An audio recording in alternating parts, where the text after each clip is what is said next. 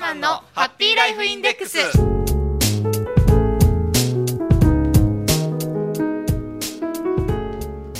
？FP タナちゃんマンのハッピーライフインデックス。この時間はあなたの夢と未来をトータルサポートするライフサポート有限会社の提供でお送りします。私たちと一緒に明るい未来幸せな生活になるためのマネーライフを考えてみませんか？タナちゃんマンからの幸せになるメッセージもお届けしますよ。この番組ではあなたからの疑問質問を受け付けています。どんなことでも結構です。お気軽にお寄せください。宛先は fm768 アットマーク p-wave.ne.jp メールアドレス fm768 アットマーク p-wave.ne.jp です。お待ちしてます。さあそれでは今日も早速一級ファイナンシャルプランニング技能士でありライフサポート有限会社代表のタナちゃんマンを呼んでみましょう。あなたも笑顔でご一緒に。タナちゃんマン。はいこんにちは。棚橋です。今日もよろしくお願いします。こちらこそよろしくお願いいたします。もうねあのタナちゃんマンから、はいこう口角を上げる笑顔が基本って言われてからね、はい、自分でもあのそれまでも思ってたんですけど、えー、さらに意識するようになりました、はい、ありがとうございます。はい、笑顔はね本当に素敵ですしいろんなパワーを与えてくれると思いますんでね。はい、ありがとうございます、さあ今日のお話は、ね、はい。今日も、えー、その笑顔をね、えーえー、テーマでお話ししたいんですが実は、えー、今日は私がですね、えー、心理学を勉強しているという、ね、お話はこの番組でもお話しさせてもらったことがあるんですけれども、はい、一緒のカウンセリングをの勉強福岡でしていらっしゃる方、ええ千住さんと言われる方なんですが、はい、その千住さんが、えー、自費出版で書かれた本の紹介をしたいなと思います。本、はい、ここに今持ってきていただいてるんですよね。はい、そうですね。タイトルが3日間命の輝き。天使になった娘が残したものという本なんですが、はい、はい、なんかこう泣けてしまいそうなタイトルなんですけれども、ね、はい。で、えー、実はこれですねこの千住さん、えー、ご夫婦結婚されてですねなかなか子供ができなかった子供、えー、子宝に恵まれなかったご夫婦なんですね、はい、で、えー、ようやく4年目にして授かった子供なんですがその子供がね、えー、出産されてから3日間で亡くなられてしまったっていうお話なんですよ。そうですはい、でそのお話をですね、はい、えー、まあ描きながら、えー、皆さんに命の大切さっていうのを伝えたいということでね自費出版されたご夫婦でね自費出版された本なんですが、はい、あのとてもねこう目の前にある本のスタイルが、はい、厚さが割と薄めでで、ね、大きめのサイズで、そうですね、変形 A4 版ですね、えー、はい、で絵柄もちょっと可愛らしい絵柄の表紙になってますので、ねはい、ふわっとした感じのね絵になってますけれども。割と難しくじゃなくて、はい、お子様とかでも読んでいただけそうな感じなんですかね。はい、で、ね、えー、2部構成になっておりましてこの本が前半が絵本になってます。はい、でその後半がご夫婦のそれぞれのお気持ちを綴ったものというふうになってますけれども、はい。でえー、実はですねこの先ほども言いましたように、えー、ご結婚をされてなかなか子供か子宝に恵まれずにですねようやく4年目にしてようやく授かった子供さん。で奥さんはですね当然あのようやく授かった子供さんですから毎月月1回の定期検診ねワクワクしながら胸を躍らせながら産婦人科の、ね、病院に通ってたんですが6ヶ月を迎えた時にいつものようにですね、えー、楽しい、えー、順調ですよっていうねいう報告をね、えー、いただけるのかなと思いながら検診に行かれたらですねびっくりするような診断をされてしまいました。どんな？っていうのはですねこの子供さん、えー、染色体に異常が見つかってしまったということで、えー、普通我々人間はですね22個の染色体が1対ずつですね44個の染色体があるんですがそのうちの18弁前の染色体に異常が見つかったらしいんですね。はい、で、えー、先天性の異常があるということで、えー、この病気この染色体異常の子どもさんはですね、えー、生まれる確率が非常に少ないとで死産になる子供さんがほとんどだということらしいんですね。で生まれたとしても1年以上生きられる望みはまずない。1年以内に亡くなれる方がもうほとんど。90%以上の方が1年以上生きる生きることはないというふうに言われたそうです。残酷な、そうですね。で,、えー、はい、で奥さんはですねそれすごくショックで、当然ですけれども泣きながらお家に帰ったそうです。そうですよね。はい。で、えーご主人がですね、気丈にもですね、この奥さんを目の前にしましてですね、えー当然奥さん、えーご主人も泣きたい気持ち当然あったと思うんですが、えーご主人はですね、奥さんに対して赤ちゃんは今もお腹の中で生きてるんだから、今を幸せに生きようよ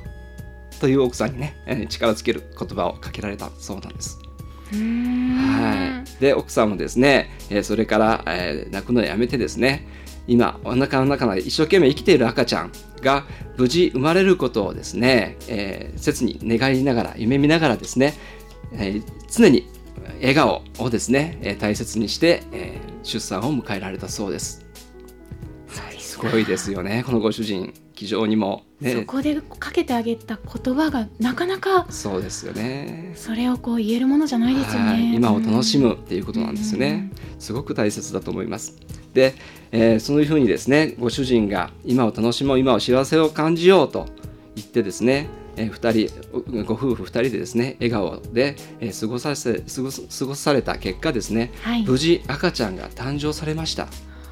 い、で産婦人科ではですねあの病院では当然あのそういう染色体異常を持ったお子さんですので普通分娩は難しいというふうに言われてたそうなんです。はいで、えー奥様あー奥さんもですね、えーできる限りあの分娩をしたいあの子供さんを抱きたいということで、えー帝王切開も考えたそうなんですが、えー結果ですね、えーまあ、いろんないろんな方とお話をさされたりとか、えー先生、えーどお医者さんともねお話をされて普通分娩に挑んだんですよ。はい、はい、そうしましたらあの予定日より20日早くこのお子さん誕生したんですがあーやはり子供さん大きくなれあのなれなかったんですよね。あの異異常がありますので大きくなれずにはい、でお腹はその羊水がですね溜まって羊水っていうのは赤ちゃんがこう口から飲んで、えーでえーまあ、下から出してですね、えーこう浄化をしながらいくらしいんですがこの赤ちゃんやっぱり大きくならないもんですからこの羊水を飲む力がなかったらしくて羊水が普通の方よりすごく量が多くてですね、あはい。で赤ちゃんも力がなくてなかなかこう出産できなかったらしいんですが、えーまあ、時間をかけてなんとか普通分娩で出産することができました。はい、で泣き声とか。上げられたんですか、で赤ちゃ。えーなんかなかですね、やはり泣くことができなかったらしいんですが、ようやく泣くことができたらしいです。はい。で、えー奥さんはですね、はいせっかくうーこのえーようやくうー頑張ってですね、えー出産された赤ちゃん、えー赤ちゃん女の子なんですけれども、で、えー赤ちゃんにですね、もうお腹になるいる時から名前はご夫婦で決めてたそうですええ。マナちゃんっていう名前なんですけれどもうん、愛する心と書いてマナちゃん。いい意味はい、そうですね。心で愛するということでねマナと名付けたそうです。はい、でこのマナちゃんですね、えー実は奥さん、えー抱っこできたのがたった3回しか抱っこすることができなかったんですね。はい生まれたその時にと翌日そして、えー気を引き取った3日目この3回しか抱くことができなかったそうです。はい。で生まれて、えーほとんどがもう保育器の中で育ったそうなんですけれども、はい。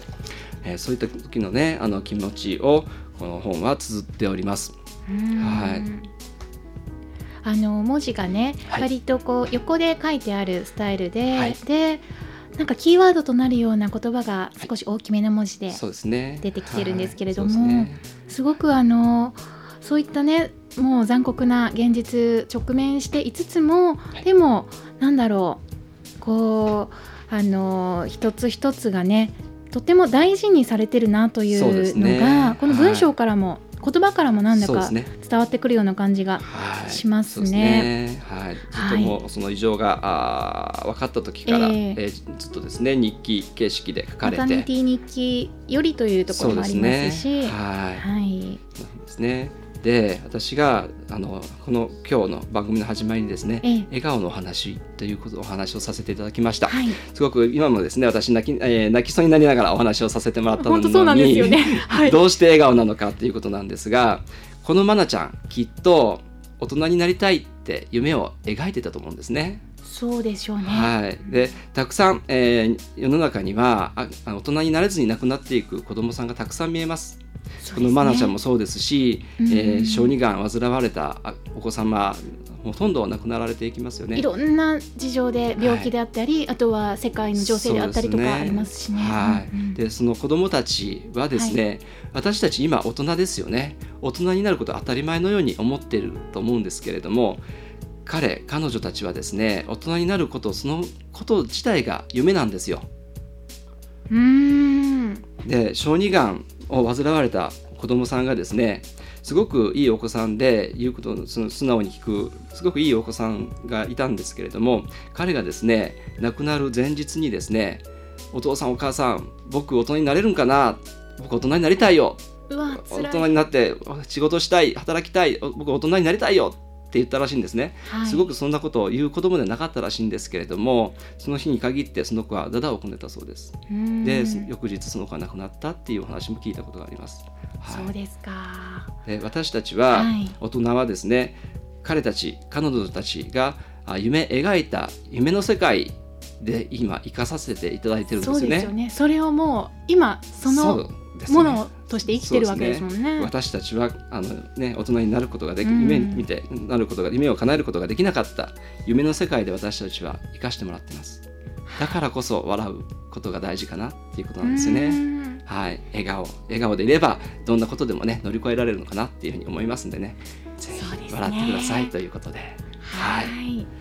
あ今日は素敵なメッセージ本とともに本を通して伝えていただきました、ねはい、ぜひねあの興味持たれた方あの3日間、命の輝きっていうことでインターネットで、はい、あの検索していただければあ購入することができますのでね、えー、税込み1260円という、え値段で、え販売しております。はい、ぜひねあの手に取っていただいて例えばあの小学生ぐらいのお子様とかと一緒にお母様がね,、そうですね読んでいただくっていうのも素敵ですよね。きっとあのそういうところから本当に大事なことをね、はい、子供の頃から伝えてあげられるのかななんて、伝えていきたいと思いますね。思いました。はい、はい、ありがとうございました。今日は素敵な本、はい、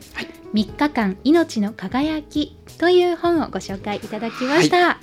い、さあ、えー、この番組ではあなたからのご意見ご質問取り上げてほしいテーマなどなどお待ちしています。そしてライフサポート有限会社のホームページこちらもぜひチェックしてくださいね。過去の放送分聞き逃してしまったという方またもう一度復習したいという方、はい、こちらから過去の分をお聞きいただけます、はい、